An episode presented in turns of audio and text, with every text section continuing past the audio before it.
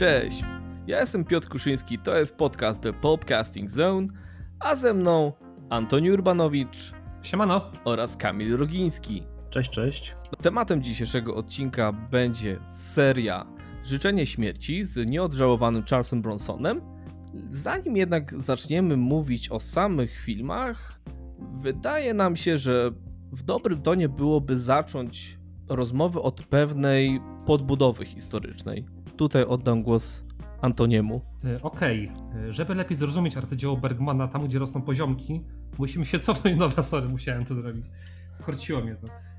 No nie, a tak na serio to e, faktycznie, no tutaj, żeby lepiej zrozumieć logikę serii Death Wish, warto się przyjrzeć Nowemu Jorkowi w latach 70., bo recesja tamtej dekady bardzo mocno cisnęła swoje piętno na stanie ekonomicznym miasta i wkrótce miasto pogrążyło się w miliardowych długach. I tutaj nie pomogła też taka sytuacja, w której e, zdecydowana większość, większa część klasy średniej e, po prostu się przeniosła na przedmieścia, e, co pozbawiło miasto gorącej części przychodów podatkowych. No i w takiej sytuacji władze miasta zrobiły to, co chyba najgłupsze, czyli odcięły fundusze policji, straży pożarnej i śmieciarzom. No i tak właściwie w ciągu chwili miasto zam- zamieniło się w istne piekło na ziemi. I chyba takie właśnie warunki tutaj opisane musiały wręcz samoistnie wytworzyć postać Mściciela o twarzy Charlesa Bronsona. I właśnie w takim klimacie e, powstał film Death Wish, polski tytuł Życzenie Śmierci, gdzie w rolę głównego protagonisty wcielił się Charles Bronson, który, hmm, wiecie co panowie, wydaje mi się, że, że Death Wish i Charles Bronson, no to już e, tutaj się stawia w większości przypadków znak równości. Gdy spotkasz kogoś na ulicy, no nie powiem kogoś takiego, co ma 20-30 lat, ale to pokolenie obecnych 50-latków, no to gdybyś tak podszedł e, do kogoś i zadał pytanie, proszę pana, proszę pani, z czym kojarzy się wam Charles Bronson? Podejrzewam, że większość z nich powiedziałaby, że z serią Życzenie Śmierci. I to pomimo faktu, że Bronson miał wcześniej no naprawdę bogatą karierę. Jego kariera jest trochę jak jego wąsy. To są dwie zupełnie oddzielne części, które się nie do końca łączą, bo y, pierwsza część jego kariery to są występy w takich filmach jak na przykład Warszawa 12, Wielka Ucieczka, gdzie zagrał zresztą e, Polaka, który cierpiał na klaustrofobię. I co faktycznie w prawdziwym życiu Bronson też cierpiał na klaustrofobię, ponieważ e, pracował w kopalni przez wiele lat. No tak. No i oczywiście nie zapominajmy o tym, że wystąpił w dawno temu Ameryce Sergio Leone. Swoją drogą rewelacyjny film. A nawet miał krótki epizod z kinem grozym, bo wystąpił w House of Wax z Vincentem Price'em. Grał tam takiego niemego henchmana, który był takim brutalnym typem na posyłki. Tutaj całą, całą robotę załatwiała za niego jego fizyczność, bo przypominał takiego naprawdę odrażającego troglodytę. Skąd się w ogóle wziął Charles Bronson? Bo to też jest ciekawa rzecz. Charles Bronson e, ma pochodzenie litewskie, jeżeli dobrze kojarzę. Jego prawdziwe nazwisko brzmiało Charles Buczyński. Dobrze to wymawiam? Wydaje mi się, że tak. I chyba dlatego był niemową w tym filmie, ponieważ on angielskiego nauczył się chyba dosyć e, późno, ponieważ jego domu mówiono albo po litewsku, e, albo po rosyjsku. Nie wiem jak wy, e, ale bym się nie zdziwił, gdyby Charles Bronson miał pochodzenie tatarskie. To był facet o bardzo charakterystycznej urodzie. Bym się nie zdziwił, gdyby karierę zawdzięczał oryginalnemu wyglądowi. Tak to sobie wyobrażam, że siedział gdzieś sobie taki stereotypowy producent, łysy, gruby, z cygarem w mordzie, który stwierdził, ten koleś ma oryginalną twarz. Tego kolesia ludzie zapamiętają. Dajcie mu na jakąś rolę. I ktokolwiek, kilkolwiek był ten producent miał rację, no tej twarzy się nie da zapomnieć, no nie zapamiętamy Bronsona, jego gry aktorskiej, ale z twarzy jak najbardziej. E, tak jak na początku Antek trochę tak żartobliwie wspomniał o tych wąsach, ale cholera jasna ten look jest naprawdę ikoniczny. To są wąsy Bronsona. Mówimy tu o wąsach Bronsona z jedynki, uważam, że te wąsy z jedynki to są właśnie te wąsy Bronsona. Reszta już niekoniecznie, ale z jedynki tak, to jest to. Jego uroda w ogóle jest taka właściwie tatarsko-mongolska i trochę szkoda, że nie zagrał nigdy Nigis Hana, bo na pewno pasował do tej roli bardziej niż John Wayne. Zdecydowanie. Nie wiem, co tam producentom się działo w głowach, no ale no okej, John Wayne, wielkie nazwisko, na pewno mogło przyciągać ludzi do kin. Dobra, bo my już tak gadamy o tych wąsach, y, jeszcze trochę to zrobimy sobie odcinek o najlepszych wąsaczach w kinie, ale to, już y, za bardzo skupiamy się na tym, jaki ładnym chłopem był Charles Bronson. Wróćmy może do filmu Życzenie Śmierci, lub jak to woli Death Wish. Nigdy, nigdy się tego nie nauczę swoją drogą, bo ciągle wachluję tymi tytułami y, zagranicznymi i polskimi i chyba tak naturalnie nie, nie nauczę się używać tylko jednego. No ale dobra, mam nadzieję, że mi to wybaczycie. O czym jest w zasadzie Death Wish 1? Informacja dla tych, którzy jeszcze nie oglądali. No dobra, no to Charles Bronson tutaj się wciela w postać e, nowojorskiego architekta, który wcześniej był w Korei, jednak e, nie walczył, on tam był chyba medykiem, jak to tam było, do końca już nie pamiętam. Dokładnie tak, on, e, on się deklarował jako pacyfista, który nie lubił używać broni, to też miało związek z, z historią rodzinną, gdzie tata był myśliwym, no i tam się wydarzyła pewna tragedia, no ale też nie chcę wchodzić w szczegóły, żeby nie zaspoilować aż nadto. Więc tak, mamy takiego pacyfistę, któremu przydarza się tragedia życiowa, bo oto sielankę zakłócają bandyci, wśród których jest Jeff Goldblum, o dziwo. Ci bandyci e, gwałcą córkę głównego bohatera, biją jego żonę, która później umiera. Teraz e, do, dokładnie nie pamiętam, czy to czy, czy żona Charlesa Bronsona zmarła w wyniku obrażeń, czy w wyniku szoku, jaki przeżyła. No ale to wydaje mi się, że, że to ma, że to nie ma większego znaczenia. Po prostu bestialsko potraktowano najważniejsze kobiety w życiu Charlesa Bronsona. Co się dzieje potem? Potem, moi drodzy, bohater grany przez Bronsona, czyli Paul Kersey, zmienia swoje podejście. Coś w nim pękło i zamienia się w tak zwanego vigilante. W języku polskim chyba nie ma na to dobrego odpowiednika bo vigilante to jest po prostu osoba, która wymierza sprawiedliwość na własną rękę. E, jak wpiszecie vigilante w Google Translate, to po prostu wam wyskoczy dosłownie samozwańczy stróż prawa. No więc właśnie. I teraz co ciekawe, bo czytając e, opis fabuły Życzenia Śmierci, e, ja jako widz spodziewałem się kina zemsty, a tym właśnie ten film nie jest ponieważ y, Paul Kersey nigdy nie znajduje oprawców. On po prostu, on po prostu wychodzi nocą i pozbywa się bandziorów. W sumie losowych. Y, bo faktycznie obecnie y, Bronson i życzenie śmierci to są takie dwa zupełnie nierozerwalne zjawiska. Ale co śmieszniejsze w tamtym czasach, gdy ten film był dopiero planowany, pierwszym kandydatem do tej roli był Jack Lemmon, a także Henry Fonda. Więc no, to, to jest taka specyficzna sprawa.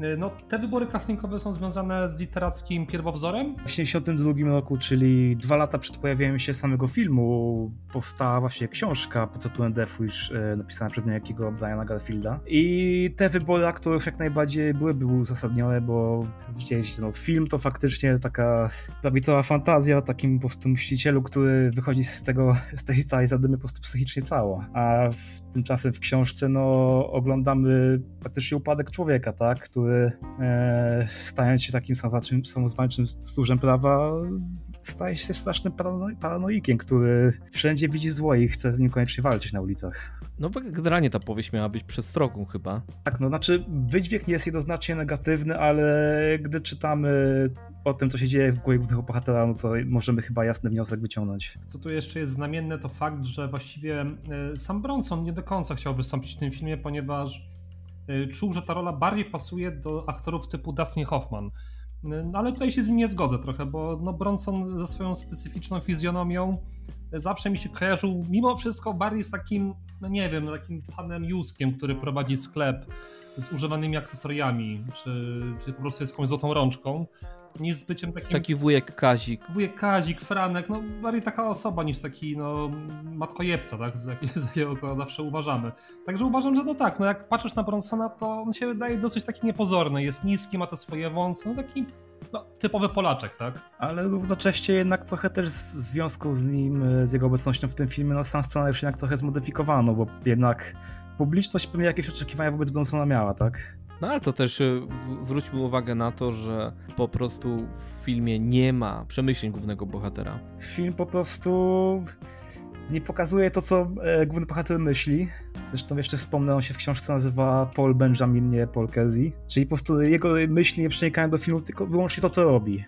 Czyli po prostu zabija przestępców. Wydaje mi się, że w jakiś sposób e, zamiast tych przemyśleń były rozmowy na ulicach, e, rozmowy w telewizji, które widzimy w filmie. Tam inne osoby dyskutują na temat tego, czy takie wymierzanie sprawiedliwości na własną rękę jest moralnie słuszne, czy nie. Ale to jest taki półśrodek, moim zdaniem. No, film raczej daje jasną odpowiedź, tak? To całe mówienie, jak bardzo spadła przestępczość. No, ludzie tam uwielbiają w tym filmie y, tak naprawdę tą postać jego, tego mściciela.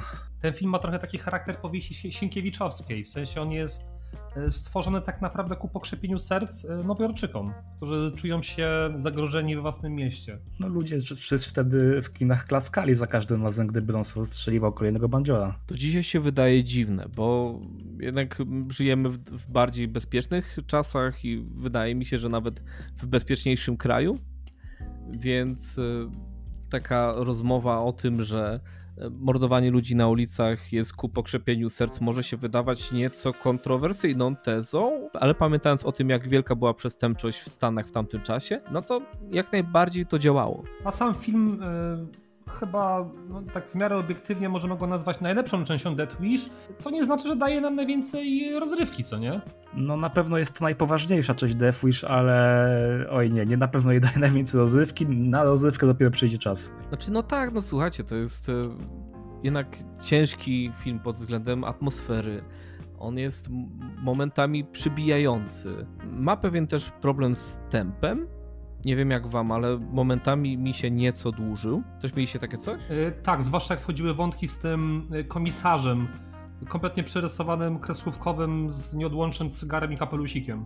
Ten komisarz to trochę taki komisarz Gordon. Komisarz Gordon, który, wiecie, tak samo jak e, jako policjant nie powinien był e, popierać Batmana, ale mu pomagał, to ta postać komisarza w Deszcz e, działa na podobnej zasadzie. Niby trzeba tego Bronsona ścigać, ale tak naprawdę policja mu po cichu kibicuje, ponieważ facet jest w stanie wykonać ich robotę, podczas gdy oni mają związane ręce.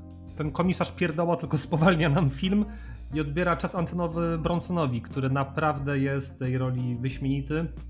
Zresztą yy, moja ulubiona scena tego filmu to nie jest koniecznie scena, w której on kogoś zabija. Yy, to jest scena, w której y, Bronson zaprasza swojego zięcia do mieszkania jakiś czas po tragedii, jak już zaczął uprawiać swoją autoterapię, mordując przypadkowych przestępców. I w tej scenie jest absolutnie przeszczęśliwy. On włącza muzykę, on prawie że nóżki mu tam tańczą. No, już, jest, już jest dobrze, już pozabijało paru przestępców, teraz może w końcu cieszyć się życiem. Na nowo ściany pomalował. To jeszcze zapadła mi e, w pamięć scena, bo w filmie niedawno po e, śmierci żony Paul Kersey wyrusza w delegację na południe Stanów. To jest bardzo ważny moment w filmie, gdzie wyrusza na południe, tam zaczyna strzelać z broni, spotyka tam e, takiego południowca, który zachwala mu dostęp do broni palnej i o tym, że my tu na południu jesteśmy bezpieczni. Nie to co u was. Ten film naprawdę ma ten wydźwięk prawicowy. Jest taką prawicową pochwałą e, drugiej poprawki do konstytucji. W ogóle film chyba tak naprawdę sprawia wrażenie takiego lekko zapomnianego, przykurzonego. A jeżeli już w ogóle o nim ktoś rozmawia, to raczej właśnie w kontekście tego takiego starotestamentowego prawactwa, i konserwatywności. Ciekawe, czy Janusz Korwin-Mikke lubi Death Wish. O, myślę, że tam nieraz się spało do tego filmu. Wiecie, co jest jeszcze osobliwie konserwatywne w tym filmie? To, że zięć zwraca do swojego teścia per ojcze. Nie Paul, tylko po prostu ojcze. Co jest dziwne, bo faktycznie w filmach amerykańskich yy, raczej zięciowie zwracają po imieniu do swoich yy, teściów. I tak jestem zdziwiony, że to wychwyciłeś, bo jakby no, my jako Polacy naprawdę możemy tego nie wychwycić, bo dla nas jest to naturalne, że do e, teściowej mówi się mamo albo do teścia ojcze ale tam faktycznie niekoniecznie. No, w książce się do niego zwraca pop, więc to jest więcej z książki. No pop to taki tatko, co nie? A tutaj jest takie wyraźnie takie ojcze. Z, z większym szacunkiem. Zresztą sobie, wyobrazicie, zresztą sobie wyobrażacie mieć takiego teścia jak Charles Bronson? Nigdy w życiu bym mu nie odpyskował, bo bym nie żył. E, za, bycie zatuk skarpetą pełną monet. Najgorzej, gdyby mieć takiego teścia, który lubi sobie wspólnie wypić. Nie można byłoby mu odmówić. Dobra, ale kończymy te off-topy. Pierwszy Death Wish, po którym który chyba był dużym hitem, co? Oj tak. A, jeszcze warto powiedzieć coś w ogóle o tym y, reżyserze tego filmu, bo pierwszym wyborem y, do reżyserii tego filmu miał być Sidney Lumet, ale stanęło na Michaelu Winerze, który zresztą nakręcił parę lat wcześniej naprawdę zajebisty film akcji z Charlesem Bronsonem, czyli Mechanik. Iście wybuchowa sprawa, absolutnie polecam całym sercem. A także nakręcił też taki bardzo osobliwy horror, który się nazywa The Sentinel, po polsku Bractwo Strażników Ciemności, beznadziejny tytuł, nieważne.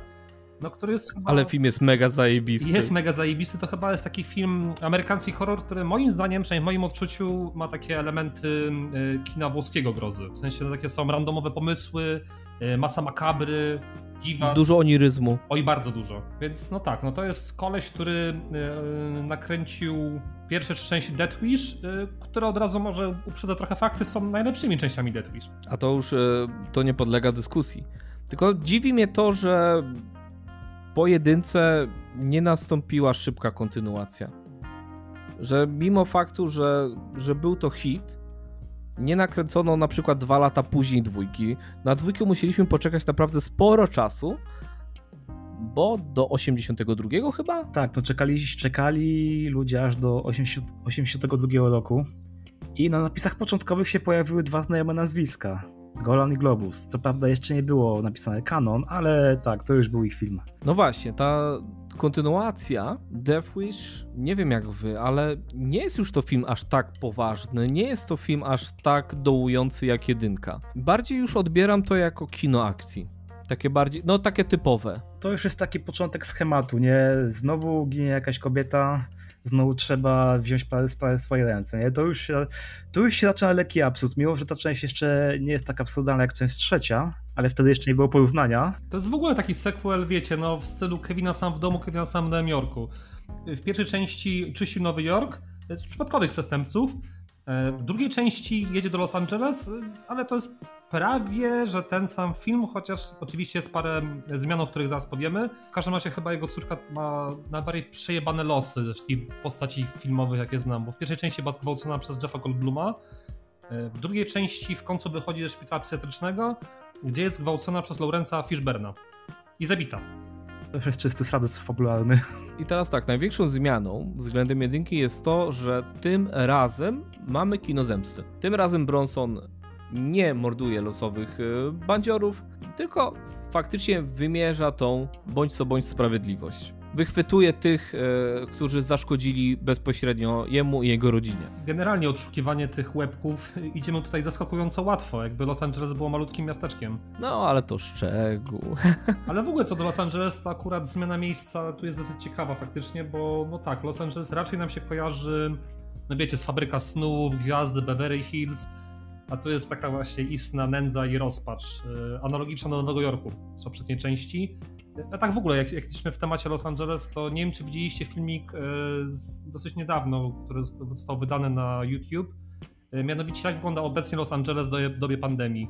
Z tymi namiotami, tysiącami namiotów bezdomnych. To jest niemalże postapokaliptyczny widok. Dokładnie tak. No i tutaj, co, co jeszcze warto powiedzieć, Bronson no, staje się bardziej fizyczny, bo w pierwszej części e, jest to po prostu koleś z pistoletem, który strzela do tych bandziorów, e, Natomiast tutaj on naprawdę ich napieprza. I jest to trochę, jest to trochę zabawne e, widzieć starszego, statecznego pana, który bez problemu tłucze kolesi młodszych o 20-30 lat. A w dodatku ma własny strój tutaj, jak Batman. On tu się przebiera nocami w taki, wiecie, w ten, co to było, jakiś polar, kurwa, czarny i czapkę Bosmana. Tutaj się zaczynają swego rodzaju przebieranki. Chyba najlepszą sceną w Death Wish 2 jest e, finał, gdzie on się zakrada do szpitala, przebiera się za pracownika tylko po to, by dopaść głównego antagonistę. On się zamienia trochę w takiego protoplastę Hitmana. Mówię o tym Hitmanie z gier komputerowych. I ta cecha przejdzie do, do kolejnych części, gdzie już będzie faktycznie Charles Bronson coraz starszy i trochę śmiesznie będzie widzieć, jak on e, bez problemu e, morduje tych zakapiorów, więc e, zaczyna używać jakiejś tam taktyki, jakiegoś sprytu. Najbardziej widoczne to będzie zwłaszcza w piątce, oj tak. Dwójka to jest w ogóle taki film, który stoi w pewnym takim mm, szpagacie rozkroku pomiędzy surową jedynką a totalnie pulpową trójką, przez co uważam, że jest, jest to prawda fajne, ale bardzo mało charakterystyczny dla serii, takiego, o którym dosyć szybko się zapomina tak naprawdę. Stary, ty najpierw chyba widziałeś trójkę, więc y, ty widzisz e, tą różnicę. Dla ciebie jest to rozkrok, e, a dla mnie to już jest naturalna progresja. W momencie, gdy ja oglądałem te filmy chronologicznie. To jest taki basicowy film zemsty. Ale to w ogóle właśnie od tej części też się zaczyna taki dziwny trend, y, w której czas pomiędzy y, wyrządzeniu, wyrządzeniu krzywdy rodzinie Bronsona, a aktem zemsty się trochę wykróca, tak? Skraca się trochę. I tak będzie stopniowo z każdą częścią. Ponieważ te krzywdy stają się po prostu pretekstem do akcji. One nic nie wnoszą tak naprawdę do psychologii głównego bohatera. One się pojawiają tylko po to, żeby jak najszybciej Bronson mógł wkroczyć do akcji. Swoją drogą widzieliście, kto napisał muzykę do tego filmu? Jimmy Page, fucking A. A do poprzedniej części napisał Herbie Hancock, więc no, tylko że Herbie Hancock się postarał, a Jimmy Page zrobił chyba coś, co nagrał pomiędzy, nie wiem, jakimiś lekcjami tenisa. E, nie, e, ten soundtrack jest naprawdę zajebisty. Pasuje tam, to absolutnie. Jest taki autentycznie uliczny. To jest taki, e, taki trochę taki blues, trochę funk ze slumsów. Chłopie, nie dam złego słowa powiedzieć na ten soundtrack. Zresztą e, Jimmy Page e, nagrał też muzykę do trójki i również rewelacyjnie to wyszło. Jest okej, pasuje do pe- pewnej jakości tych, tych dwóch części specyficznej. Tutaj już by jazzik y, Hancocka raczej nie podpasował. No i trzy lata później, tym razem już z logiem firmy Canon, widzowie mogli obejrzeć trzecią część Death Wish. Najlepszą część, jeden z lepszych filmów sensacyjnych w dziejach kina, y, durnowatych filmów sensacyjnych w dziejach kina, Exequos Face Off. Znowu się okazuje, że nie możemy się kłócić, bo mamy zbyt podobne gusta. Death Wish 3 jest filmem mało ambitnym, powiedzieć, no to już jest eufemizm, ale przy tym absolutnie klawym, rozrywkowym. Bawiłem się wyśmienicie w każdej minucie tego filmu. Tutaj już nie ma dłużyzn, nie ma udawania przede wszystkim, bo tak jak na początku mówiliśmy, pierwszy Death Wish y, niby zaprasza do jakiejś tam dyskusji na temat y, moralności, na temat e, tego, czy można wymierzać sprawiedliwość na własną rękę. No ale to są takie podchody. To nie, nie, nie, nie jest to szczere. Tutaj już to sobie totalnie odpuszczono, co tylko wyszło filmowi na dobre. To jest ta część, w której zabijanie bandziorów staje się po prostu taką osiedlową inicjatywą społeczną. I jest wyraźnie powiedziane, że po prostu każdy gdzieś tam powinien mieć w szufladzie albo w szafie po prostu scho- schowaną giwerę, żeby móc się obronić. Bo bez broni to zrobią ci, wiesz, zrobią ci od razu krzywdę. Na początku trzeciej części ginie. To był przyjaciel, prawda? Bronsona. Y, Tak, i on ginie y, dosłownie w trakcie napisów początkowych. Już nie musimy czekać na to. Bronson po prostu jedzie go odwiedzić i w trakcie, gdy jeszcze chłop siedzi w pociągu, tam w autobusie, oni już go mordują. Chwała Bogu, chwała widzom. No tym sposobem naprawdę mamy y, czystą esencję cyklu. I że tak powiem, w końcu się obeszło bez gwałtu. Bo to było trochę męczące w poprzednich częściach. Tutaj są gwałty, nawet dwa. No, niestety. Y, Tutaj też trochę się zmieniają czarne charaktery, bo tak, bo w pierwszej części były, były to przypadkowe bandziorki. y, W drugiej części taki tam, takie tam koleżki, tam pięciu, sześciu rzezimieszków. A w trzeciej części mamy do czynienia z prawdziwymi. Yy, kurwa, kim oni właściwie są? To są punki, skinheadzi. Miks wszystkiego. To jest absolutny miks wszystkiego. To jest normalnie gang jak z jakiejś gry z Segi czy z Super Nintendo. Oni są niewiarygodni. I powiedzmy, kto jest w tych, wśród tych zbirów kolejnym cameo, takim, znaczy taką znaną twarzą. Y, Tak, bo w tej Alex serii... Lost Boys Winter. No. Tak jest, jest i on, bo w tej serii faktycznie możemy odkryć dużo znanych gęb e, po prostu w rolach czarnych charakterów. W jedynce był to Jeff Goldblum. Chodziła też taka plotka, że tam jest Denzel Washington, ale to nie jest on, internet już dawno wyjaśnił. E, W drugiej części Lawrence Fishburne, a w trzeciej części Alex Winter. No a w czwórce mogliśmy zobaczyć danego Trecho. I to był jeszcze czas, gdy Daniel Trejo dostawał w w filmach. Tak, w czwórce jest jeszcze koleś, który. Nie wiem jak on się nazywa. On tam jest chyba jednym z przywódców gangu narkotykowego. To jest koleś, który napadał na sklep w Robokopie. Yy, A policjanta, akurat to taka mała odmiana, bo jeszcze jest znana gęba wśród yy, funkcjonariuszy prawa, bo policjanta gra koleś, którego też nie pamiętam jego nazwiska, ale jest policjantem Blue Velvet, jest yy, ojcem yy, Laura Dern. W sensie w filmie, nie w prawdziwym życiu oczywiście. Wróćmy może do tych punków, bo oni naprawdę są mega kolorowi, przegięci, przerysowani, trochę jak z filmu post-apo. Generalnie jak ja oglądam trójkę, to mam wrażenie, że ja oglądam film post-apo, a nie film akcji. To już jest kwestia re- realizacyjna, ponieważ ten film e, był połowiczo kręcony w Nowym Jorku, e, a połowiczo w Londynie po to, żeby uciąć koszta i oczywiście nie może nie wspomóc kasy miasta, która wtedy cierpiała na wielkie długi. Co ma Wielka Brytania do bycia postapo? Wiesz co, może niewiele, ale w sumie jeżeli wiesz, kręcisz e, film, który ma się dziać w danym miejscu, E, właśnie tak jak w Nowym Jorku, ale kręcisz go w innej lokalizacji, w innej części świata, to zawsze daje taki dziwny efekt, co nie? Że to wygląda jakoś tak bardziej upiornie. Coś się nie zgadza po prostu. Coś, coś się nie zgadza, tak? Bo wybierasz wtedy taką, takie miejsca, które wyglądają najbardziej obskurnie, z płonącymi beczkami, jakieś gruzy, stare fabryki i tam właśnie kręcili Death Wish. Death Wish 3 to swoją drogą, e, to, to chyba taki film prospołeczny? Wielki film o społeczniku. To jest marzenie każdego dziada, który siedzi w oknie. No bo to e, powiedzmy sobie, Charles Bronson nie tylko pozbywa się zakapiorów, ale też uczy sąsiadów samobrony. Jest tam taka scena, jak pokazuje im, e, jak, dzia- jak budować pułapki, jak się bronić. Taka praca u podstaw. No i w końcu nie mamy żadnych wątków związanych z jego pracą biurową jako architekta, bo nie wiem jak wiele, nigdy tego nie kupowałem, że Bronson pracuje jako architekt. No po prostu nie. Nie no, wydaje mi się, że to było potrzebne w pierwszej części, żeby pokazać nam, że to był e, normalny człowiek, przykładny obywatel, typowy no-name, wiesz, wy, e, stateczna, wygodna praca, e, no ale już mieliśmy to w jedynce i tutaj to już było niepotrzebne więc można było to już wyrzucić do kosza. Zwłaszcza, że ta seria na tym etapie przestała się traktować zbyt poważnie. Mówmy się, że w tej części zabijanie jest jego pracą już. I to jakie zabijanie? Cholera jasna. Pułapki, bazuki, karabiny maszynowe, y, no i przede wszystkim moja, mój ulubiony jego y, modus operandi, mianowicie y, kuszenie na grzech. Wiecie, on tam chodzi z, z drogim aparatem po mieście, tak kusi tych bandziorów, no chodźcie, chodźcie parkuje samochód, y, celowo bierze fajny samochód, parkuje go w biednej dzielnicy i tylko czeka, aż te sukinsyny tam podejdą. To jest, to jest niewiarygodne. Ta scena z aparatem też podkreśla tą tej części, no co on... Gościowi, który ucieka z jego aparatem, po prostu strzela z rewolweru w plecy i całe osiedle mu klaszcze, nie?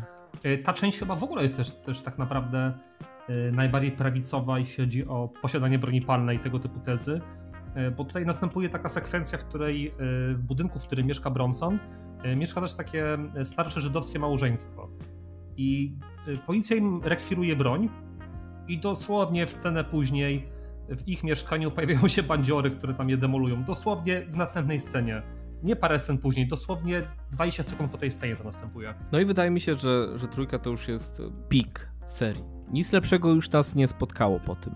Chyba nawet lepiej byłoby, gdyby, gdyby można było mówić o trylogii Death Wish no tak, to zwłaszcza, że ta trylogia się kończy po prostu no, z takim wybuchem. No to mamy tutaj chyba co pół godziny akcji na koniec, gdzie Bronson z karabinu po prostu rozwala całe tłumy przestępców. No tego się już nie da przebić. Tak jest, to jest właściwie prawdziwy bronsonowski orgazm. Po tym już nic nie może nadejść lepszego. To jest absolutny pik tej serii Opus Magnum. Yy, chyba mój ulubiony film Wytwórni Canon też w tym samym czasie. To na pewno, bo za każdym razem, gdy jestem u ciebie non-stop, o nim gadasz. I za każdym razem oglądamy sceny z tego filmu. Do pożygu. Jestem, jestem zdziwiony, że ten film mi nie zbrzydł. Ale kumam fascynację, bo jest naprawdę rewelacyjny. No ale tak, słuchajcie, no y, transformacja Pola Kerseya z obywatela do mściciela, do pogromcy złoczyńców, no została zakończona tutaj właśnie. I to wszystko bez żadnej głębi psychologicznej, jak chciałbym powiedzieć, założyliście pewnie, że Paul po tych wszystkich śmierciach kobiet, przyjaciela, mu to nic nie robi, on po prostu idzie się mścić. Gdyby on miał jakąś głębię psychologiczną, to by się załamał już pewnie po drugiej części. Albo i pierwszej nawet. To tak wygląda, jakby on nie przeżywał tej tragedii, tylko jako prawdziwy mężczyzna robił to, co do niego należy. A należy się zemścić. No, chłop jest już tutaj odpowiednio wyrobiony, no już po takiej ilości tragedii to faktycznie. E, w ogóle jak się czujecie z wątkami e, romansowymi serii Death Wish? Nie no, te wątki romansowe są tylko po to, żeby e, żeby były. No naprawdę, te, dopiero w momencie, gdy ty zadałeś to pytanie, ja sobie przypomniałem, że tam jest jakikolwiek wątek romansowy w tej trzeciej części, że on tam ma jakąś dziewczynę. Totalnie o niej zapomniałem. W drugiej części też jest wątek romansowy, romantyczny. Nie pamiętałem o tym. Nikt tego nie pamięta. On tam jest po to, żeby był. Żeby nie było, ale Bronson, nie wiem, on wygląda jakoś tak niekomfortowo w tych scenach, gdy rozmawia z płcią przeciwną. On wygląda dobrze, gdy nosi spluwę, ale w takich, wiecie, scenach jakieś randki przy świecach, kolacji, on tam się męczy. Widz też się męczy. To, co powiedzieliśmy teraz, to chyba takie po prostu ówczesne mainstreamowe postrzeganie męskości. To taka nie czuć, tylko działać. W ogóle ta seria trochę jest anachroniczna pod tym względem. Trochę jak e, kino z lat 50., 60. Zwróciliście na to uwagę, jak oglądacie na przykład filmy Hitchcocka, to ci główni bohaterowie są facetami po 50 i zawsze romansują z dużo młodszymi kobietami.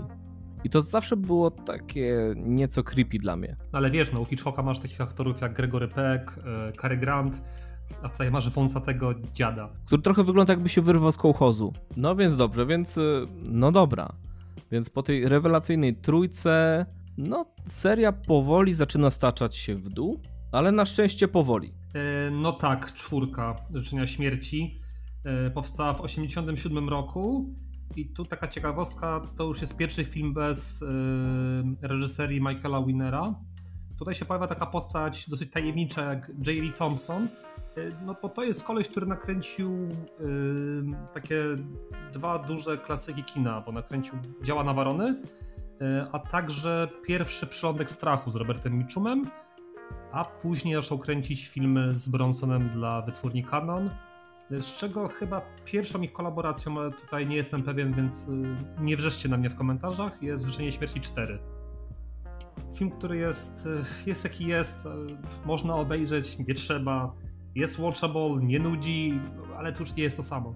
Najważniejsze jest chyba to, tytuł tej części to jest Crackdown. Więc w końcu doczekujemy się w Death Wish czego, tego, czego się wszyscy spodziewaliśmy, czyli walki z narkotykami. No tak, no bo skoro walczymy z przestępczością, walczymy z E, degrengoladą społeczną, no to oczywiste było, że musiały się pojawić w końcu narkotyki. Kokainum. No tak, no bo to jest część, która powstała mniej więcej w tym samym czasie, w którym się rozpoczęła kampania zainicjowana przez żonę Reagana, czyli Nancy Reagan, e, która się nazywała Just Say No, czyli taki no, zbiór y, reklam, kampanii reklamowych, w których różne gwiazdy kina, tacy, takie jak Clint Eastwood, czy ten koleś, który grał Piły Hermana, nie pamiętam jak on się nazywał, namawiały do niebrania narkotyków. Tam jeszcze były reklamy z postaciami z kreskówek. Chyba tam były jeszcze żółwie ninja, które namawiały do tego, żeby odmawiać narkotykom. Drug free is the way to be, tego typu hasła. Tam jest taka scena, której nigdy do końca nie rozumiem. Nie wiem, czy to jest kwestia tłumaczenia e, polskiego, czy nie, ale tam jest yy, dziewczyna Bronsona idzie do kostnicy. Są pokazywane różne zwłoki tam. Ten koleś przedawkował heroinę, ten zrobił tamto i na końcu pokazują zwłoki, a temu wybuchła fajka w twarz. Jak sobie wyobraziłem sobie bongą, wybuchła mu w twarz. O co chodzi? Chyba o crack pipe chodziło. Że... No więc dobra, no okej, okay, no i poza tym wątkiem narkotykowym w sumie nie dostajemy niczego nowego. Poza tym, że tutaj mamy dziwny wątek, gdzie w sumie Paul już pracuje tak jakby na zlecenie.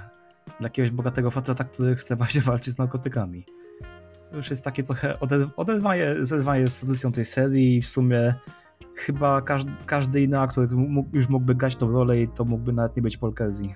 To mógłby nie być już Death no ale wiadomo, że no prawa e, prawa e, prawa wytwórni, tak? Skoro dany tytuł e, się sprzedaje, no to musi powstać kontynuacja. No trochę szkoda, bo nie ma już tej postapokaliptycznej otoczki. W ogóle złoczyńcy są niezbyt ciekawi. No już zamiast bandziorów już dostajemy po prostu zorganizowaną przestępczość krawatów. W ogóle tak się pierdolnąłem, bo teraz sprawdziłem, że e, to nie była pierwsza kolaboracja między tym reżyserem a Broncem, to była siódma kolaboracja, więc e, przepraszam, tutaj przyznaję się do błędu. I wracamy do Death Wish 4. Mianowicie to jest chyba taka najbardziej VHS-owa część e, całej, z całego cyklu.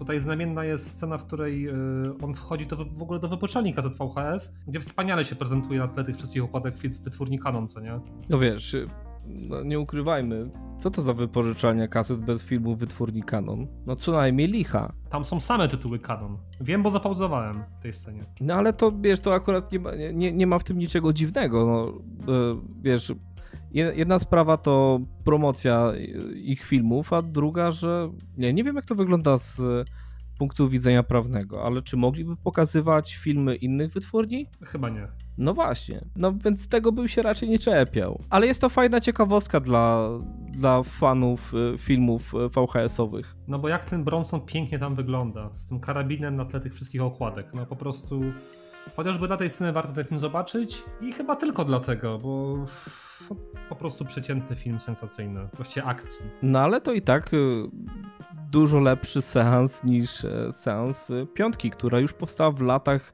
90. O mój Boże. No i tutaj y, Death Wish piątka wyszła w roku 1994. Jeżeli się mylę, to niech mi ktoś poprawi. To nie jest ważne w przypadku tego filmu. Znaczy ważne jest to, że już mamy kolejną dekadę i znika ten brudny feeling serii. Wygląd tego filmu jest bardziej sterylny. No bo też miasto stało się trochę bardziej bezpieczne z czasów e, kandydatury e, Giulianiego jako prezydenta Nowego Jorku, który oczyścił to miasto e, między innymi takimi trochę metodami Bronsona, bo wprowadził do metra uzbrojonych tajniaków. Myślisz, że to z tego powodu Paul Kersey w późniejszych częściach nie walczy z ulicznymi rzezimieczkami, tylko z krawatami, z gangsterami takimi zorganizowanymi? Y, wiesz co, w przypadku czwartej części to pewnie chodziło o to, żeby, no bo wtedy były na, y, na, na fali takie, wiesz, seriale jak Miami Vice, tak, gangi kokainowe itp. itd., więc dlatego pewnie po prostu stworzyli taki, taki koncept, że okej, okay, on teraz będzie walczyć z zorganizowaną przestępczością. W przypadku piątki nie wiem, to w ogóle to są Włosi, co to właściwie kurwa jest?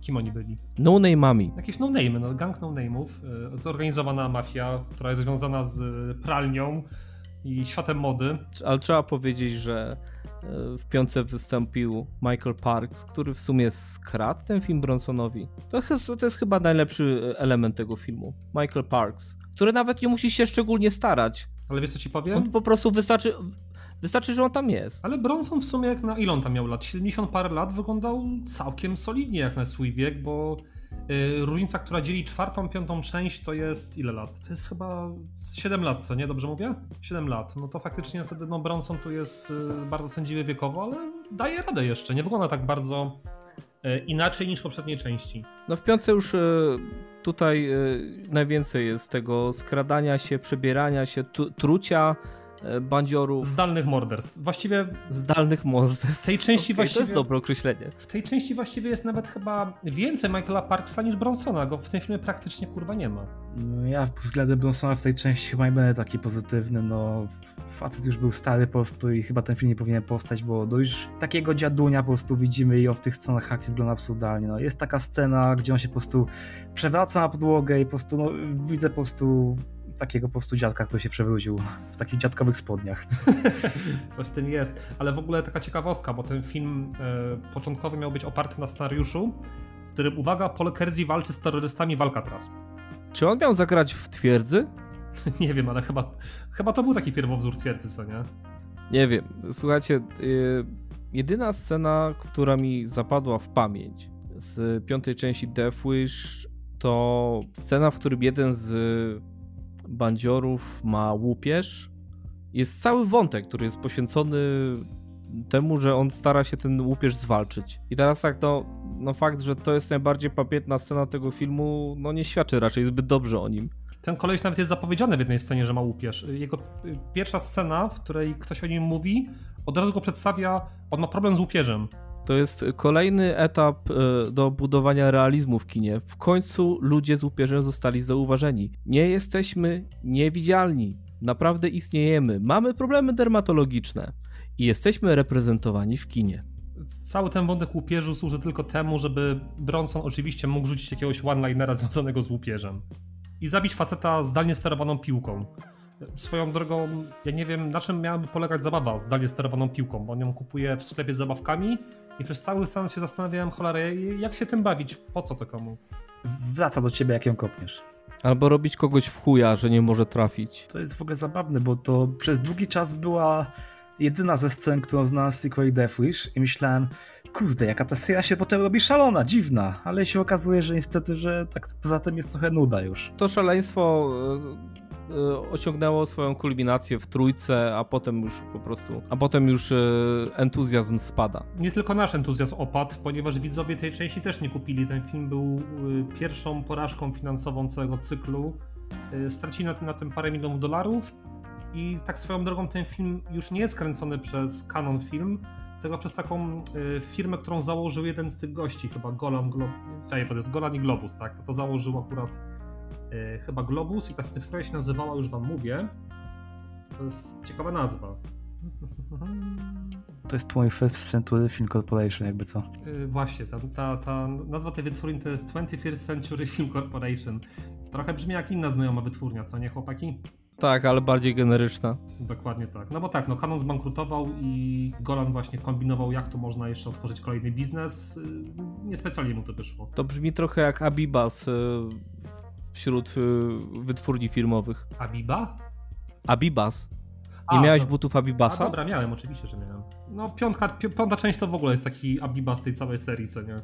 No, jestem ciekawy, czy gdyby się udało, to czy by znowu zatrudnili tego dziadka Bronsona do kręcenia kolejnych części. Y, Następna część to miała być, y, miała się nazywać chyba Dead, Dead Wish Next Generation, coś takiego, czyli miał być ktoś inny. Ciekawe kto, czy, czy byłoby to zupełnie niepowiązane, czy może by na przykład wzięli e, byłego zięcia Bronsona. Jak dla mnie część szósta to mogło być po prostu nie ma pozbawienia z akcji ze starym Bronsonem, który w końcu ma jakąś refleksję po takim czasie. To by było ciekawe. Właśnie, tak w ogóle co do re- refleksji, bo o tym też nie mówiliśmy.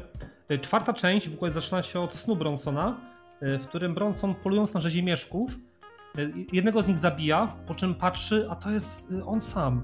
I tak sobie myślę, cholera, to jest ta część, w którym, bę- w którym będzie ta głębia psychologiczna, ale nie, to tylko taki, taki bait. Y, No ale w każdym razie tak, ja, ja w ogóle mam fajny pomysł na jak, jak powinna wyglądać kontynuacja Death Wish. Death Wish 6 to powinien być slasher. To powinien być film o Bronsonie, który siedzi y, w domu starców, w głowie mu się pierdoli. Niedaleko tego domu dla starców jest jakiś, nie wiem, y, kemping dla dzieciaków. I Bronson ucieka z tego domu starców, pieprze mu się w głowie i myśli, że wszyscy są jakimiś bandziurami i ich tam brutalnie morduje. To by było super. Dzieciaczki e, palą marihuanę, więc trzeba się ich pozbyć. I uprawiają seks przedmałżeński. To byłby kreatywny Uuu. slasher, no. I moglibyśmy Bronsona ukrywać w cieniu, więc nawet nie musiałby tyle tam się pojawiać. Nosiłby maskę czy coś. Nawet nie musiałby grać tego. No ale tak, no seria się nie kończy z przytupem, lecz z cichym gwizdem. I teraz chyba no czas niestety dalej pogrążyć tą serię, mianowicie remake Eliego Rota. A, niestety obejrzałem. Wiecie co, trochę, trochę obejrzałem ten film z rozpędu, bo miałem naprawdę niesamowity maraton filmowy, bo obejrzałem chyba cztery części Death Wish e, w ciągu jednego dnia. No i tak mnie podkusiło, a dobra, obejrzę sobie ten remake. Przedstawia podobną historię z tą różnicą, że Paul Kersey jest tutaj chirurgiem. To mi się podobało z tego względu, że mamy tutaj e, człowieka, który powinien życia ratować, a nie odbierać. No ale tak poza tym mamy film totalnie wyzbyty jakiegokolwiek charakteru. No i chyba najgorsze, co mogło tam e, i chyba najgorsze, co mogło się e, filmowi z serii Death Wish przytrafić, Boots Willis. Boots Willis, który jest w ogóle ciekawym przypadkiem, bo to był naprawdę świetny aktor. On był naprawdę wielką gwiazdą swego czasu. On był u szczytu kariery. W końcu ta kariera zaczęła mu się sypać i Tak jak jego włosy. od iluś. Tak jak jego włosy. I od, od iluś lat obserwujemy kolejne role, y, gdzie Bruce Willis jest po prostu znudzony, wkurzony, że tam musi być. I ten brak entuzjazmu Bruce'a Willisa udziela się widzom. Tak mi się wydaje. Znaczy, to jest y, dziwna ach sprawa, bo mimowolnie on tam pasuje do tego filmu, bo ten taki zmardowany, znudzony Bruce Willis w jakiś tam sposób przypomina człowieka, który powinien być w żałobie, ale to nie jest zasługa jego aktorstwa. Powiem coś kontrowersyjnego, bo no tak, Eli Roth to fatalny reżyser, ale przez, przez dosłownie taki, taką milisekundę pomyślałem sobie, hmm, może to w sumie jest jakiś fajny wybór. Zrobi to tak odpowiednio, wiecie, jakoś tak y, komiksowo, z przytupem jak w trójce, z licznymi scenami gore. Coś może z tego wyjdzie, ale no, ja ten film widziałem, nic z niego nie pamiętam. Ani jednej właściwie sceny. O, czy tamtym filmie leci ACDC? Tak jest. O Jezus Maria. Nie naprawdę na temat remake'u nic- nie potrafię powiedzieć. To jest jeden z tych filmów, które po prostu ulatują z głowy minutę po obejrzeniu. Nie no, próbowano przenieść tą historię na nasze czasy, ale tak naprawdę jedyne co zrobiono to zaadaptowano ten współczesny nijaki look filmowy. Jest totalnie generyczny, nijaki. Jest to taki film do obejrzenia nie, nie tyle do kotleta, ale do spania. Oglądasz sobie filmidło, bo tylko tak to można nazwać przed snem. Film do autokaru albo samolotu. No dokładnie tak. Albo nawet lepiej, słuchaj, do budki stróża parkingowego. Idealnie. Czyli tam, gdzie niedługo trafi Bruce Willis ze swoją karierą. On już tam trafił. No bo tak, no faktycznie, jeżeli mówimy o takich aktorach jak Cage, czy Travolta, no to to są aktorzy, którzy upadli faktycznie, no ale coś tam raz na jakiś czas trafi im się dobra bądź też interesująca rola, ale w przypadku Bruce'a Willisa to jest po prostu jeden wielki zjazd w dół, który się nie kończy, tylko odkrywa kolejne poziomy dna. No ale to jest to, o czym, e, o czym wspomniałem wcześniej, bo Nicolas Cage, e, nawet jeżeli wystąpi w, fatalnym filmie, to nadal czuje w nim tą aktorską pasję. Natomiast no, Bruce Willis już czeka po prostu na, na, na swój czek on już chce swoją robotę wykonać i spierdalać. Tak, tak na sekundę powiem, że trochę z tym Travoltą się pospieszyłem, bo miałem w głowie tylko y, serial O.J. Simpson, który miał ciekawą rolę. Y, no ale poza tym to chyba to też nie ma co go bronić, chłop też już y, coraz bardziej obcina te kupony. No, można powiedzieć, że Bruce Willis ma takie, sam ma takie życzenie śmierci. No, widzieliście go zdjęcia z Sylwestra 2020? Nie. Oj, widziałem. On jest teraz chyba, kim on właściwie jest? Prezesem firmy Sobieski? Znaczy on tak, on ma udziały, udziały w firmie sorry. Sobieski. Tak, on jest udziałowcem i promuje to na plakatach, reklamach. No to właśnie na tych zdjęciach wygląda jakby był na e, strogiej degustacji swojego produktu. Ale to, to, to, nie jest wesołe pijaństwo na jego tworze, to widać taki, taki gniew, taki smutek, taki co ja kurwa zrobiłem ze swoim życiem. Wódka i Bruce Willis, to jest, to jest dobre połączenie. Na depresyjny wieczór. Tam nie będzie nowego Mandy. No, no i tutaj teoretycznie moglibyśmy już kończyć nasz odcinek, ale mamy tutaj jeszcze jedną ciekawostkę. No bo e, wszyscy chyba co, wszyscy ci, którzy interesują się kinem gatunkowym, na pewno czytali już newsy i artykuły o panu, który nazywa się Robert Bronzi. Pan Robert Bronzi pochodzi z Węgier, jeżeli się nie mylę, i został odkryty przez to, że jest niesamowicie podobny do Charlesa Bronsona. Czy coś jeszcze możemy powiedzieć na ten temat? Właśnie niesłychane podobieństwo zapewniło mu robotę w przemyśle filmowym. Powstał taki film Death Kiss, e, oczywiście, który samą nazwą już ma budować nam nawiązania do serii Death Wish i który został nakręcony właśnie pod Bronziego. On tam wygląda identycznie jak Charles Bronson i również jest takim e, cichym mścicielem. No tam ma identyczny wąs, identyczną fryzurę, nawet ubrania ma takie same jak w filmach Death Wish. Doszliśmy do tego etapu cywilizacyjnego, w którym już nie tylko remake'ujemy filmy, ale też remake'ujemy aktorów. To jest straszny cash in. Film, który obejrzymy tylko dlatego, że mamy jakiś tam sentyment do Bronsona i trochę z ciekawości. A zobaczymy jak ten gościu, który wygląda jak Bronson sobie radzi. No i na tym się opiera tylko i wyłącznie ten film, ponieważ jest on może nie tyle fatalnie zrobiony, co zrobiony na odwal się, bez jakiegokolwiek polotu, e, z taką niezbyt e, angażującą fabułą, której szczerze powiedziawszy już teraz nie pamiętam. Chryste panie, no ja to obejrzałem trzy dni temu. Nic nie pamiętam z tego filmu. I ja co prawda nie widziałem tego filmu, się przyznam, bo chyba po prostu nie chciałem się już męczyć, ale widać, że po prostu twórcy wiedzieli albo nie chcieli wykorzystać tego, co mieli w rękach, bo no Robert Bronzy faktycznie wygląda jak Charles Bronson w latach 70. jest tak ubrany, a mimo wszystko wszystko wygląda nowocześnie, jest ten cały niepotrzebny synthwave, który w ogóle nie ma wspólnego nic z Elon Death Wish no można by tam się było jakoś pobawić, faktycznie jakieś takie udawane lata 70., a sobie wyszło takie nie wiadomo co. Generalnie synthwave, ta estetyka neonowa stała się chyba takim synonimem nie tyle lat 80., co po prostu skrótem myślowym do retro. Retro, czyli synthwave, retro, czyli neony. No a przecież y, neonowa estetyka to nawet nie są lata 80. tak na dobrą sprawę, bo y, neony to jest druga połowa lat 80. Jeszcze wczesne y, te filmy z lat na przykład 80 a 84 są właśnie takie brudne, surowe. Dopiero później się pojawiły te kolorki. I faktycznie Robert Bronzi wygląda jak postać wklejona postać z lat 70. wklejona do filmu, który udaje lata 80. No i ta wszechobecna cyfra. No ja już, ja się chyba nigdy nie przyzwyczaję do tego cyfrowego luku tanich filmów i chyba już zawsze będzie mnie to gryzło. To jest zresztą cała oddzielna dyskusja, bo dla, wiecie, publiczności w latach 70., 80. jakieś tanie, tanio zrobione filmy też mogły wyglądać źle ale mimo wszystko ma się takie jakieś dziwne wrażenie, że one wyglądały, że tanie kino wyglądało kiedyś lepiej niż ta obecna cyfra teraz. cyfrówka i wiesz, jakieś kurde 60 klatek czy coś, totalna hamowa. No bo to po prostu wygląda sztucznie, a taśma filmowa po prostu wygląda cholernie, naturalnie, organicznie, e, wręcz oddycha na ekranie, tak? Nawet jak wygląda jak gówno, co nie? To wygląda dobrze. Nawet jak wygląda jak gówno, to prawda. Wygląda jak szlachetne gówno. Wychodzi na to, że omówiliśmy sobie już wszystkie filmy z serii Death Wish. Serii, która no, niestety jest strasznie nierówna, ale dała nam naprawdę sporą ilość fanów. Zwłaszcza trójka, w moim przypadku jeszcze dwójka. Równie dobrze się bawiłem przy dwójce. Jedynka absolutny klasyk, chociaż y, mam wrażenie, że częściej będę wracał do kontynuacji. E, Wiecie czego nauczyła mnie seria Death Wish?